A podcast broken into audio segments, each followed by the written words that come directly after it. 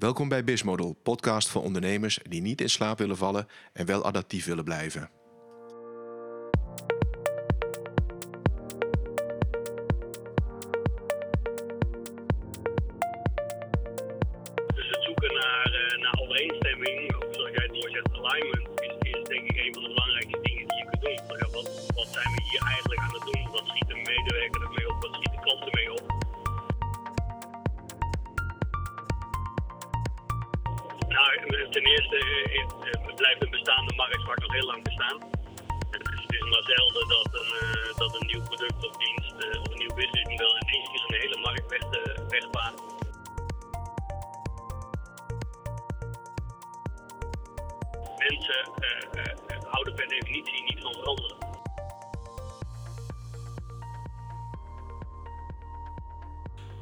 Beste luisteraars, welkom bij Bismodel. Vandaag heb ik een gast en dat is niemand minder dan Menno eh, Lanting. En ik ga hem vandaag interviewen over innovatie. Eh, ik ben enthousiast geraakt na het lezen van zijn boek eh Disruptie Paradox. Ik heb hem weer voor de tweede keer gelezen, want dan beklijft het bij mij altijd net wat beter. Dus ja, Menno, welkom. En zou je heel graag willen voorstellen aan de luisteraars? En ja, waar zouden ze jou van kunnen kennen? Ja, nou, allereerst dank voor de uitnodiging en fijn om eh, in deze podcast eh, aan te schuiven. Ik, eh, ik ben Menno Lanting. Ik word al 20 jaar gefascineerd door wat de veranderende wereld betekent. Hoe we ons behouden tot klanten, tot burgers. Hoe we onze organisatie inrichten en daarin leiding geven. Ik ben auteur. Ik heb een, een redelijke reeks eh, boeken geschreven.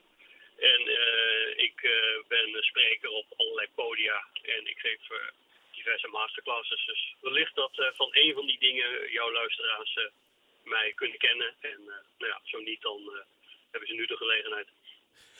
Je bent gepokt en gemazeld als ik het al hoor. Nou, ik weet niet. Dus volgens mij valt er, zeker als het gaat om, om innovatie, vernieuwing, digitalisering, valt er elke dag weer wat nieuws te leren.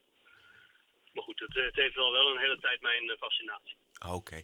Hey, en eh, wanneer kwam jij erachter, Menno, dat, dat je zegt van eh, innovatie is, eh, ja, past heel goed bij mij, omdat ik, ja, dat is vaak opleiding, achtergrond, een bepaalde overtuiging hebben soms, hè, niet, niet qua religie, maar in manier van denken.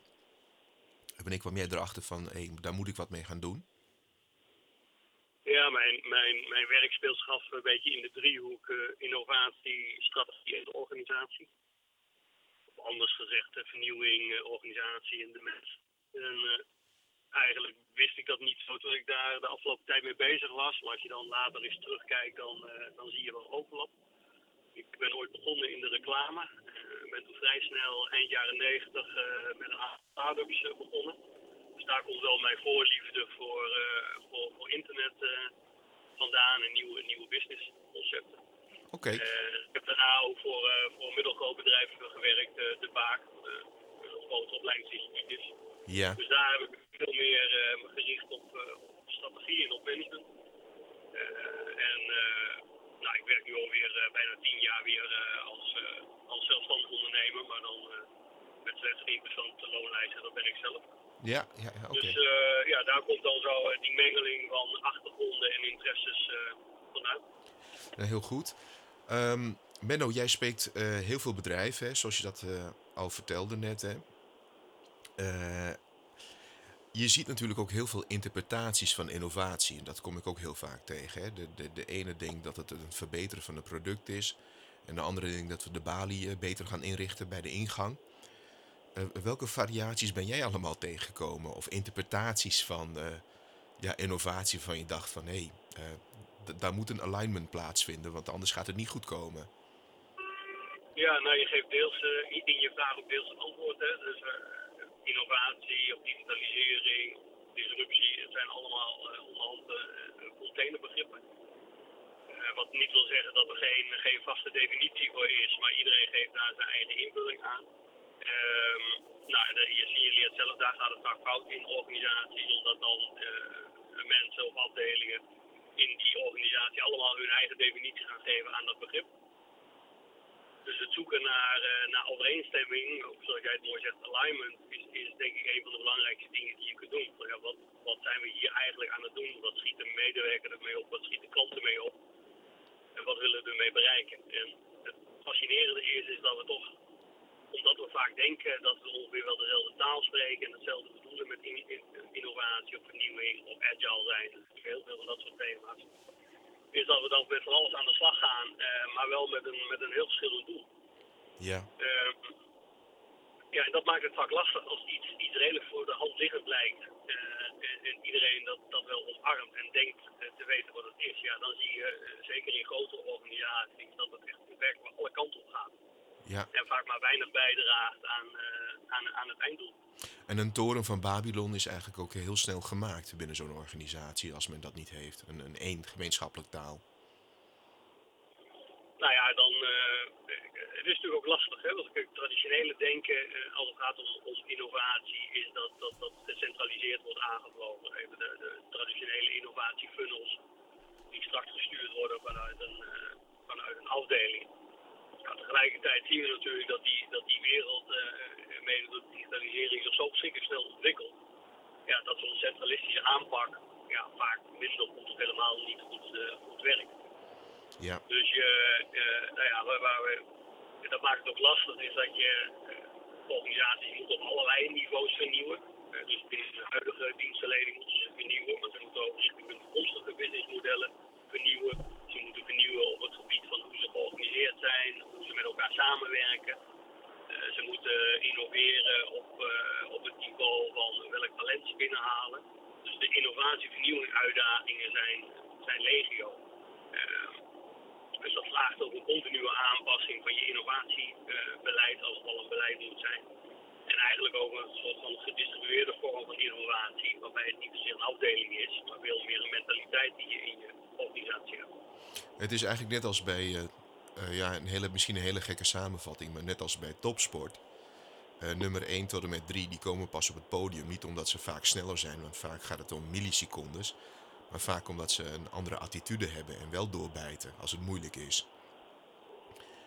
En is het niet zo dat dus, dus als innovatie misgaat, dat het gewoon heel vaak ook te maken heeft met alignment. Hè? Dus we, we, hebben een toren van Babylon gecreëerd in plaats van uh, we hebben een gemeenschappelijke taal. Maar ook omdat afdelingen zoals uh, marketing, financiën, legal, hè, bij grote bedrijven dan, dat we met z'n allen niet goede afspraken hebben gemaakt hoe we gaan innoveren en welke proces we daarvoor definiëren. ja, maar dat heeft weer te maken met, met de verschillende opvattingen over wat innovatie moet zijn. Ja. Dus uh, ik denk dat je uh, incrementele, stapsgewijze innovatie prima in, in een bestaande organisatie kunt doen. En wat ik dan in, in een van mijn boeken de olietanker heb genoemd. Ja. daar, valt, daar valt in heel veel gevallen nog enorm veel te winnen. over het algemeen is, is bij heel veel organisaties is, is de huidige dienstverlening al niet enorm onderscheidend. dus ik ben een enorm fan van, van, van innovatie op de, op de, op de niet, niet gedachte plekken. Dus innovatie heeft vaak ook een soort aureool om zich heen van nieuwe technologie. Uh, heel erg uh, inderdaad letterlijk in de innovatiehoek uh, of in de marketingkant of business wel de nieuwe businessmodellen. en ik heb tegelijkertijd prachtige voorbeelden gezien van innovaties die zich afspelen op plekken waar je het misschien niet verwacht. juist misschien wel bij legal. Ja. Of bij de crediteuradministratie. Mm -hmm. dus ik denk ook wel dat, dat en daar, daar, daar, heb ik ook aan meegedaan. En, heel veel andere ook. Dus innovatie toch dat aureool heeft van uh, wat ik net zei. Uh, allemaal nieuwe technologie. Uh, wij moeten ook iets met 3D-printing gaan doen. Of ook iets met artificial intelligence.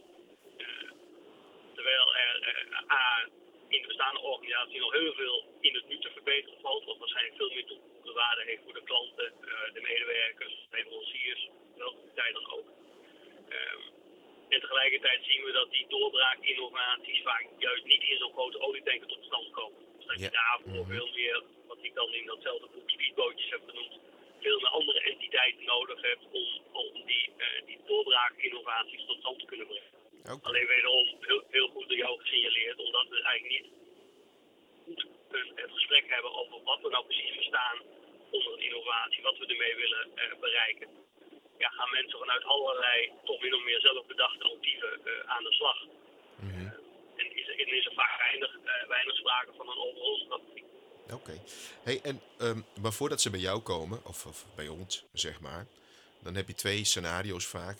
Um, men wil gaan innoveren en roept uh, hulp in van buiten. Of men heeft uh, pijn, of heel veel pijn, hè, dus uh, omzet loopt terug, of ze zien dat ze worden ingehaald door de concurrent. Uh, op wat voor momenten merk je dat bedrijven eigenlijk aan de bel trekken?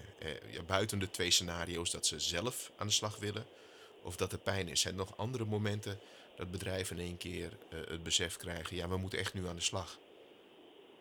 Nou ja, kijk, daar gaat het natuurlijk al fout, hè? want als je, als je in één keer dat besef gaat krijgen, ja, dan zit er al iets niet goed in, in je organisatie. Ja.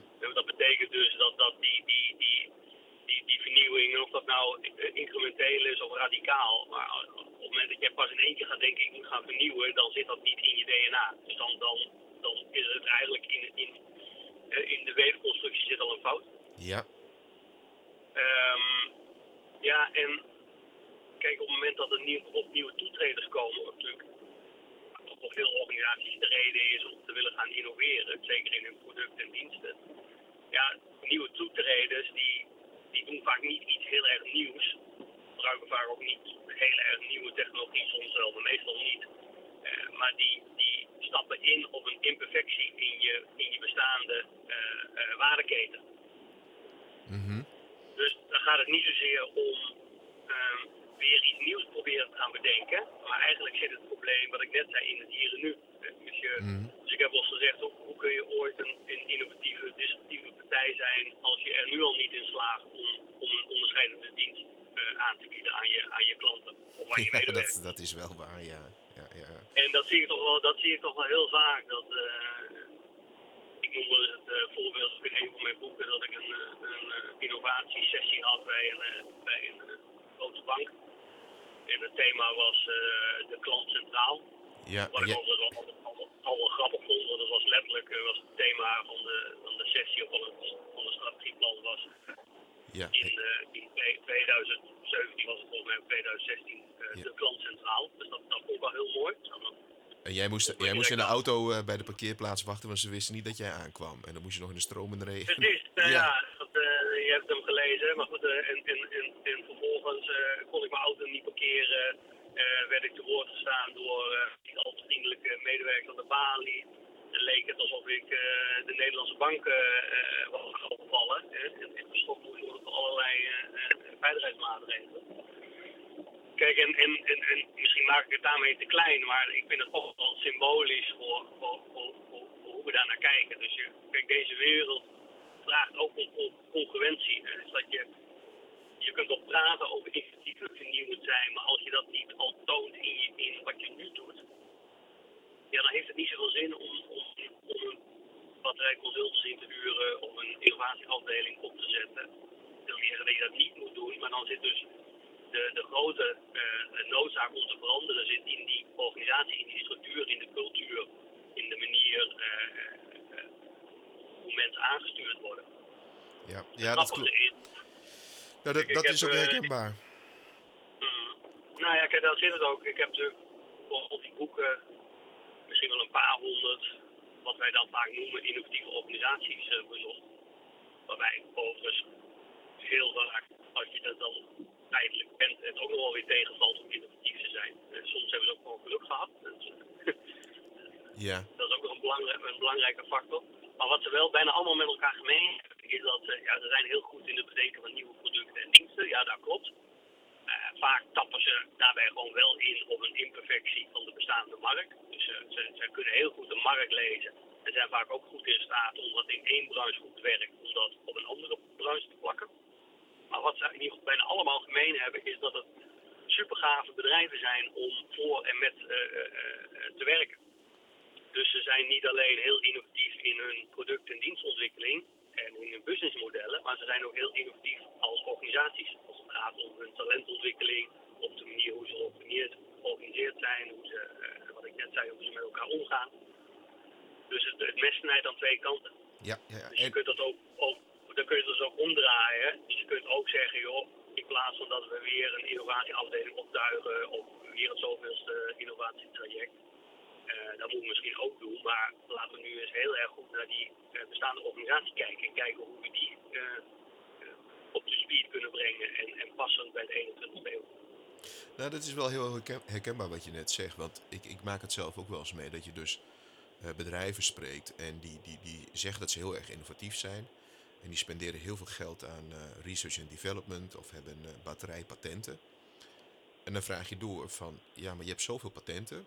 En hoeveel van die patenten zijn nou een business unit geworden die eerst 100.000 euro, een miljoen, 10 miljoen of 100 miljoen euro om kunnen zetten? En het blijkt dus dat dat niet gelukt is, om allerlei redenen. En dan is het eigenlijk heel raar dat je dus heel veel geld aan R&D uitgeeft of aan het creëren van patenten. Maar uiteindelijk als een patent binnen 20 jaar niet kapitaal wordt, ja, dan is het nog steeds een hele waardeloze patent. Even heel, en, en dat is wel heel erg zonde. Dus het innovatief zijn zit hem dus ook niet altijd in, in je R&D en ook niet in je patenten. Maar in hoe ben je georganiseerd en hoe kun je juist die kennis naar de markt brengen. Of kun je de juiste kennis uit de markt halen daarop verbeteren, innoveren of, of je schakel, hè, dat ene schakeltje wat niet goed werkt, verbeteren, wat je ook in je boek aangeeft, en, en uh, verder gaan. Menno, geloof jij dat innovatie, hè, met name voor grote bedrijven die al heel lang bestaan, hè, die, die, die, zijn ooit, die zijn nu in bedrijf, maar die waren ooit ook een entrepreneur of die waren ook ooit een start-up. Dus gaandeweg zijn ze groter geworden en zijn ze in één keer een corporate geworden. Um, als bedrijven dan zo goed accelereren in commodity of hun bestaande business operationeel houden, hebben ze dan niet eigenlijk veel meer moeite om dan ja, daar afscheid van te nemen en uh, uh, te gaan innoveren? Of moeten ze dan echt hele radicale veranderingen nemen van joh, we gaan echt een unit opzetten of we gaan echt aan de slag of we kopen innovatie in? Nou, ten eerste uh, blijft een bestaande markt vaak nog heel lang bestaan het is maar zelden dat een, uh, dat een nieuw product of dienst of een nieuw businessmodel in één keer een hele markt weg. Over het algemeen zelfs is nog sterker is dat, dat nieuwe dis disruptieve ontwikkelingen er vaak voor zorgen dat een markt zelfs nog groot wordt. Dus um, het is niet zomaar weg. Dus het, ik, ik hoor ook zo vaak dat bedrijven zeggen, ja wij moeten ons hele nieuwe bestaande businessmodel disrupten, wij moeten iets heel nieuws omarmen dat is vaak A helemaal niet nodig, want er is vaak nog een, een, een aanzienlijke groep uh, consumenten in de B2C of B2B die wel geïnteresseerd is in dat businessmodel. En tegelijkertijd heb je je bestaande business, uh, je bestaande businessmodel uh, nodig om die innovaties te kunnen financieren. Ja. Tegelijk, tegelijkertijd hebben juist bestaande organisaties vaak een heel goed vertrekpunt om innovatief te kunnen zijn. Want ze, op het algemeen hebben ze vaak nog een bestaand businessmodel dat die innovatie kan financieren. Um, waar uh, start-ups vaak uh, bijna altijd afhankelijk zijn van uh, venture capital om, om, om, uit te breiden. En wat er nog bij komt is dat, dat die bestaande bedrijven vaak al, al de, de, de klantenbase hebben. Ze hebben vaak al het distributiekanaal en ze hebben vaak al de, de, de, branding. Dus over het algemeen zijn, juist ook gevestigde partijen heel goed in staat om, om, om door nieuwe markten je ziet dat nu een beetje uh, ontstaan als je kijkt naar uh, bijvoorbeeld Tesla. Ja. Tesla en, en de traditionele uh, automobielbranche. Nou, tot, tot, tot, tot voor kort werd de traditionele automobielbranche werd weggelachen, want die werden helemaal gepasseerd door Tesla. Dat was even het, het, het, het, het hype verhaal. Ja, dat klopt. en dat, dat klopt deels ook wel. Hè. Tesla heeft natuurlijk ook fantastische stappen daarin gezet. Je ziet nu dat dat Tesla heel veel moeite heeft om de volgende stap te zetten naar de, naar de massaproductie.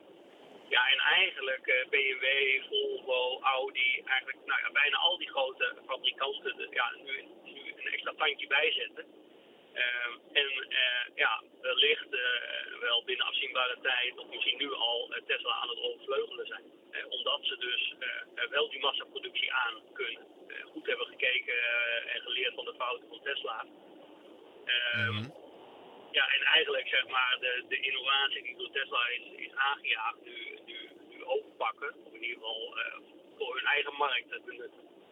Dus ik ben op zich wel, wel hoopvol gestemd over ook de innovatiekracht van bestaande bedrijven. Maar ook hier, innovatie staat gelijk aan, aan iets op een andere manier doen, uh, iets, iets vernieuwen. En mm. mensen uh, houden per definitie niet van veranderen. Nee, nee dus, dat klopt Dus ook hier ligt, ligt de uitdaging ook heel erg op dat organisatie- en mensvlak. Ja, ervoor zorgen dat, dat de bestaande business, zowel qua structuur als cultuur, in staat is om nieuwe innovaties te omarmen. Ja, dat lukt niet als je je, je business managers bijvoorbeeld uh, afrekent op, uh, op een te behalen jaaromzet. En ze niet mede verantwoordelijk maken voor een stuk innovatie. Ja, maar zeg je dan ook eigenlijk, want als, als je iets teruggaat in het gesprek, de grote ondernemers die hebben eigenlijk de perfecte infrastructuur liggen. Hè? Want die hebben alle afdelingen, die hebben de productiecapaciteit. Als je kijkt naar bijvoorbeeld BMW. Het enige wat ontbreekt is eigenlijk de elektrische auto. Maar dat kunnen ze wel maken. En vervolgens kunnen ze van zelf een start-up worden, upscalen. En dan naar, de, uh, naar, de, eigenlijk naar de, hun platform brengen dat al helemaal geolied draait. Terwijl juist een Tesla daar heel veel moeite mee heeft om, om een geoliede fabriek te bouwen, zeg maar. Die uh, 10.000 auto's uh, per week uit kan spugen. Hè, dat lukt ze dus nog niet. Ja. dus wat dat betreft zijn er nog heel veel kansen voor grote bedrijven door hun bestaande structuren aan te wenden voor uh, juist de nieuwe innovaties. Want ze hebben alles al. Ze hebben geld. We hebben heel veel start-ups niet. Hè, want wat is het? 98% gaat gewoon kapot in het eerste jaar. Die haalt het niet. Omdat ze ja, iets, iets maken wat, waar niemand op zit te wachten. Of dat ze geen geld meer hebben naar, uh, naar het tweede jaar. Dus wat dat betreft zijn er nog heel veel kansen, denk ik. Uh, hoe vind nou ja, jij... er komt bij dat, het natuurlijk, uh, dat er natuurlijk heel veel, heel veel innovaties worden gekocht. Ja, dus uit allerlei onderzoek blijkt het, dat natuurlijk echt, echte, echte vernieuwende innovaties bijna nooit uit de branche zelf komt. Dus het komt altijd uit, uit minimaal aanpalende branches. Maar ook zo'n voorbeeld van BMW wat je noemt is, kijk die technologie komt er uiteindelijk wel. Waarom lijken ze nu succesvol te worden in die transitie naar die, naar die elektrische auto of hybride auto? Is dat dat er ook vanuit de top een hele duidelijke sturing op is. Dus het, er wordt ook binnen die organisatie heel hard gewerkt om de organisatie zo op te lijnen dat ook dit soort initiatieven ook volledig geaccepteerd worden en kunnen, kunnen komen. Het, onderscheidend vermogen zit hem niet zozeer in, in die technologie. Het is vaak juist slim om niet als allereerste die technologie te, te adopteren. Je kunt beter iemand anders daarin laten investeren en dat dan adopteren, zoals bij Tesla is gebeurd nog veel belangrijker is dat je vervolgens wel het, het, talent in die organisatie hebt die ook iets met die, met die uh, innovatieve ideeën kan en wil. Ja. En dat zie je, die, die, die grote clubs die nu succesvol die transformatie doormaken, uh, nou het zit al in het woord transformatie, die zijn, die zijn vooral daar heel erg mee bezig. Dus hoe richten we het in? Hoe richten we die speedbootjes in? Hoe zorgen we dat onze bestaande business uh, doorgaat, maar er ook, ook, ruimte is voor andere, andere initiatieven? zorgen we ervoor dat die niet worden afgestoten. Dus dat, is, uh, dat heeft eigenlijk weinig te maken met, met, met, met innovatie. Dat heeft alles te maken met organisatiedesign en, en talentmanagement. Nou, dat is dus cruciaal om goed te kunnen innoveren, als ik het zo hoor. Uh, Menno, wat uh, faciliteert Nederland dit soort trajecten, dus als het gaat om in, innovatie, organisatiedesign, zoals je dat net aangeeft? Zijn wij daar in Nederland goed in ja, opgeleid? Faciliteren wij dat goed? Kunnen wij dat? Ja, kijk, daar, wordt, daar komen natuurlijk onder onderzoeken naar voren. En ene keer doen we dat heel goed en de andere keer doen we het, schijnen we dat minder te doen. Ik, weet niet, we leven, ik weet niet of je dat ook heel erg op een land kunt, kunt plakken. We leven in zo'n zo'n zo'n global wereld dat het volgens mij uitstijgt boven wat je als, als, als land kunt. Uh, ik denk wel dat als je kijkt wat er in, uh, in Azië en met name in, in China gebeurt, uh, waar toch op allerlei terreinen ja, toch heel veel effort erin wordt gestoken. Maar goed, dat is natuurlijk ook een ander, ander politiek systeem. Hè? Dus daar kun je ook veel, veel makkelijker een paar miljard naar links of naar rechts schuiven. Ja, dat gaat een stuk makkelijker daar, ja. Dat gaat een stuk makkelijker. Dus ik, ik weet niet of wij daar heel erg in, in, in, in, in bovenuit steken. Uh, ik denk wat veel, veel belangrijker is, uh, is, is, dat die, wederom wat we al eerder concluderen, is, is die organisaties kunnen nog zoveel zelf doen. En of dat nou afhankelijk is van, van regelgeving, dat weet ik niet of dat heel veel uitmaakt. Ik denk dat het erom gaat van wat ligt er al aan energie, hoe kun je die met elkaar verbinden ik denk dat wij als land heel goed, we zijn natuurlijk een, natie van polderen. Dus we zijn goed in samenwerken. Dus ik denk dat daar nog veel te winnen, te winnen valt. En ik denk ook focus. Hè, waar, waar, willen we dan als land of als regio goed in zijn? Dit is natuurlijk een wereld waarbij het gaat om hyperspecialisatie, die er niet meer overal goed in zijn. Dus dan kunnen we er beter een paar dingen uit pikken waar wij als, als land of als regio in excelleren. Dan dat we alles proberen te doen. je kunt ook niet altijd alles uh, zelf uh, doen, dat is, dat is ook de realiteit. Uh, een hele gekke vraag, Menno. Wanneer ben jij op je meest uh, innovatiefst? Waar raak, jij van ge, waar raak jij van geïnspireerd en waar krijg jij nou dopamine van? Nou, ik, ik vind uh, wat mij altijd heel erg inspireert, is, is die bedrijven bezoeken. Uh, en dat, dat, ik vind dat ook dat vind ik heel inspirerend. Het, wat ik net zei, het is toch een, global wereld. Dus je, zou alle interviews daar telefonisch of per Skype kunnen doen tegelijkertijd uh, vind ik het heel erg leuk om er, om echt te zijn. En waar op de wereld dat ook is. Om echt te kijken hoe de ondernemers dat doen. hoe zo'n receptie vormgegeven is. Hoe het interieur eruit ziet. Dus dat inspireert mij heel erg. En wat ik zelf steeds meer leer is dat, en dat is denk ik ook wel een uitdaging bij organisaties, is dat hoe drukker ik ben, hoe minder ruimte ik heb voor vernieuwing en voor inspiratie en verwondering ik niet mijzelf, eh, maar dat is misschien ook wel een opdracht voor bedrijven of voor mensen binnen bedrijven, er ook vaak te dwingen om gas terug te nemen. Ja. Pas als ik gas, en, en uh, een wandeling, wandeling door het bos maak of langs het strand of wat dan ook, vaak in, in de rust komen de nieuwe inzichten. Ja. Uh, dus ook de, de rust vinden om eens uh, een aantal boeken te lezen. of, of, juist eens wat anders te lezen dan misschien dan mijn vakliteratuur. Dus het zit ook in, uh, in stilstaan. En dat is gek, want we leven in een tijd waarbij alles lijkt te veranderen. Uh, en mij helpt het, en ik denk dat het ook voor heel veel andere uh, mensen en bedrijven goed zal zijn, om, af en toe ook eens pas op plaats te maken. Nou, dat is wel goed dat je dat zegt, want ik heb je al eens een keer via Twitter gevraagd van hoeveel lees jij nou per dag? En volgens mij gaf je toen al aan van joh, ik zit ergens tussen de 1 en soms 4 uur per dag dat ik lees. En, mhm. en, en ik merk ook zelf, ik, ben, uh, ik, ik was vroeger ontzettend slecht in lezen. Want dat komt omdat ik natuurlijk tweetalig ben opgevoed. Maar ik heb het boekje van Mark Tichelaar gelezen over beter en sneller leren lezen en onthouden. Dat heeft me enorm geholpen. Met als gevolg dat ik nu een abonnement op Financieel Dagblad heb en daar ook doorheen uh, race elke zaterdag. Maar het mooie van lezen is, en als het gaat om dat stilstaan moment, is als je heel veel artikelen en informatie uit andere invalshoeken leest of andere informatie leest, dat je eigen persoonlijke bibliotheek steeds voller raakt, waardoor je veel betere verbanden kunt leggen. En innovatie en, en veranderprocessen is soms ook verbanden zien tussen dingen. Waarom iets wel of niet werkt, of waarom iets wel of niet kan slagen. En uh, hoe meer verbanden je kunt leggen tussen uh, uh, wat de eindklant wil, wat je eigen organisatie wilt, of informatie hebt uit andere branches, ja, des, des te makkelijker je uh, dingen kunt inzien. Dus dat is wel inderdaad een belangrijke tip die je ook voor, als luisteraars wil meegeven. Ga weer gewoon ouderwets lezen, want dat helpt gewoon wel. Ja, wel de juiste dingen lezen uiteraard. Maar het helpt wel heel veel als je informatie weer gaat opslaan. En niet scannen online, maar gewoon goed lezen. Um, ik heb gelezen dat jij bezig bent met een nieuwe boek. Klopt dat, uh, Menno? Nou, ik ben, ik ben eigenlijk altijd al bezig met een nieuw boek minimaal in mijn hoofd.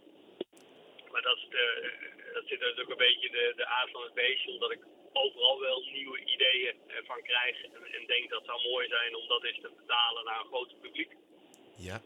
Uh, ik ben nu uh, bezig met een, uh, met een uh, follow-up boekje. Boek, dat heet De Disruptie in de Overheid. Ik heb natuurlijk de disruptieparadox geschreven. Mm -hmm. En dit is een, een specifieke eh, aanvulling, maar dan, ja, zoals het titel al zegt, eh, specifiek gericht op, eh, op, op de overheid. En verder heb ik mijzelf beloofd om daarna even een jaar of misschien wel twee jaar even geen boek te schrijven. Om echt eens eventjes die, nou ja, wat we net zeiden, die luiken open te zetten. Om eens, ja, gewoon eens misschien een heel andere inzicht of ideeën te krijgen. Dus, dus het kan nog wel twee jaar duren voordat er wat komt? Of een jaar tot twee jaar? nou, ja. Ik weet, uh, ik heb mezelf, dus ik kan het niet uh, garanderen, maar uh, ik, ga het, ik ga het wel, wel proberen. Gewoon eens eventjes pas op de plaats. En, en ook omdat, weet je wel, jij en ik en, en, veel mensen waar wij mee omgaan, ja, wij leven deze materie en, en zitten daar voortdurend in. Maar ik merk ook wel dat lezers en, en ook wel de mensen waar ik voor spreek, ja, daar is, is dit soort dingen tot zich nemen, is iets voor erbij vaak. Dat, uh, die, ja, die hebben dat is een, waar. een, ja. een rol en een taak. Ja. Um, dus ik denk dat, uh, dat, dat, dat ik en, en, en, en, en, en anderen vaak per definitie, uh, per definitie al één of twee stappen verder zijn. Dus misschien ook op dat vlak is het niet zo erg om het eventjes pas op de plaats te maken. Oké. Okay. Hey Menno, mijn laatste vraag voor deze podcast is: uh, heb jij nog één, twee of drie goede tips voor bedrijven die aan de slag willen?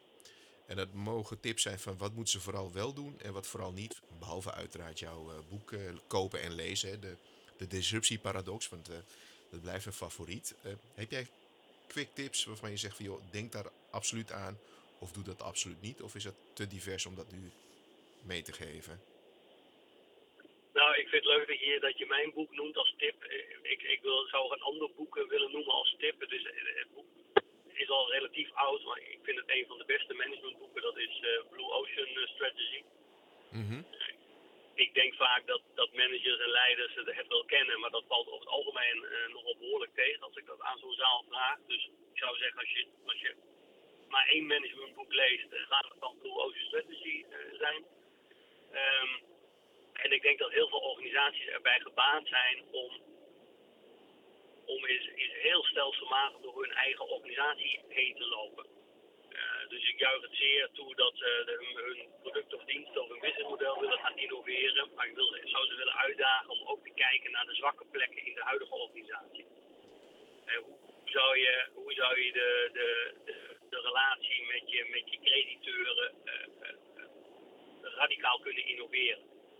Hoe zou je veel meer gebruik kunnen maken van je netwerk van klanten? Dus ik, zou ze willen uitdagen om te gaan innoveren op de plekken waar ze niet direct aan zouden denken. En daarmee de huidige basis uh, steviger maken. Um, en ik zou ze willen adviseren dat, dat als ze daadwerkelijk echt een doorbraak innovatie willen realiseren, dat ze dan vooral in, in andere branches gaan kijken. Ja.